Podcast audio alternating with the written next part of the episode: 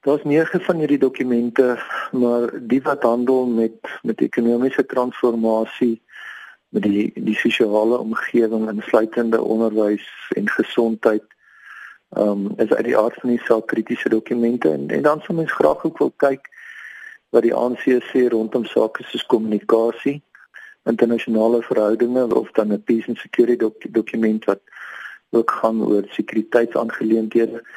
So ek sê daar's omtrent so 5 van die subkomitees wat wat werklik deurslaggewend sal wees in terme van hulle bevindinge en die aanbevelings wat hulle maak. Jy verwys na die dokument op ekonomiese transformasie. Nou daarin word sleutelterme vervat soos radikale ekonomiese transformasie.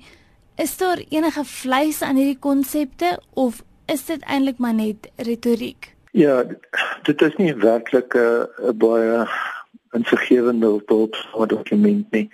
Ehm um, 'n klomp van die aanvaarde uitgangspunte van die ANC soos tydens vorige konferensies aanvaar of in dokumente gereflekteer is bloot maar net weer geïnkorporeer in hierdie naam en dan hierdie hele idee oor radical economic transformation en white monopoly capitalism van die konsepte weet ons nou is is deur Bell Pottinger geskep um juis om bepaalde stiekrag aan in in sekere groepe binne die ANC te gee.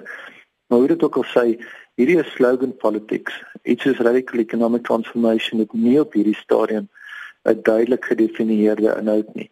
En alhoewel daarna verwys word binne die beleidsdokument word dit selfs in daai dokument nie duidelik uitgespel oor hoe dit inpas.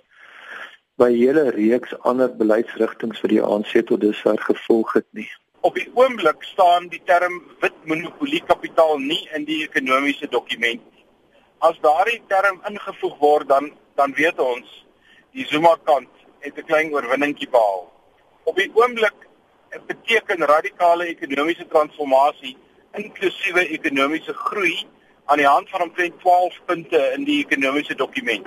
As dit verskraal gaan word, ehm um, as dit verander gaan word in terme van die van die meer populistiese siening, dan sal ons weet watter faksie het daar die oorwinning behaal. So nee, daar gaan beslis kom ons sê kodewoorde wees waarvoor ons sal moet kyk om te weet wie het die oorwinning behaal of wie het op die betrokke dag eintlik die debat gewen. Maar ek dink twee van die belangrike dokumente is waarskynlik die een wat gaan oor die ANC self, die ehm um, strukture, die prestasie en die probleme van die ANC. Die strategie dokument. Ja, die strategie ANC se strategie dokument. En dan dink ek moet 'n mens ook gaan kyk na die dokument van die ANC rondom die ekonomiese beleid in die toekoms. Dit is ook baie belangrik want dit bepaal tot 'n baie groot mate hoe die ANC hom gaan posisioneer en dit raak ook alle ander fasette van wat in Suid-Afrika gebeur. Dit is waarskynlik twee van die meer belangrike, maar ek meen die ander dokumente is nie onbelangrik nie. Hmm. Ek dink hierdie is waarskynlik die wat die meeste reaksie kan ontlok en wat ook direk 'n uh, aanduiding gee van wat die prioriteite van die ANC is.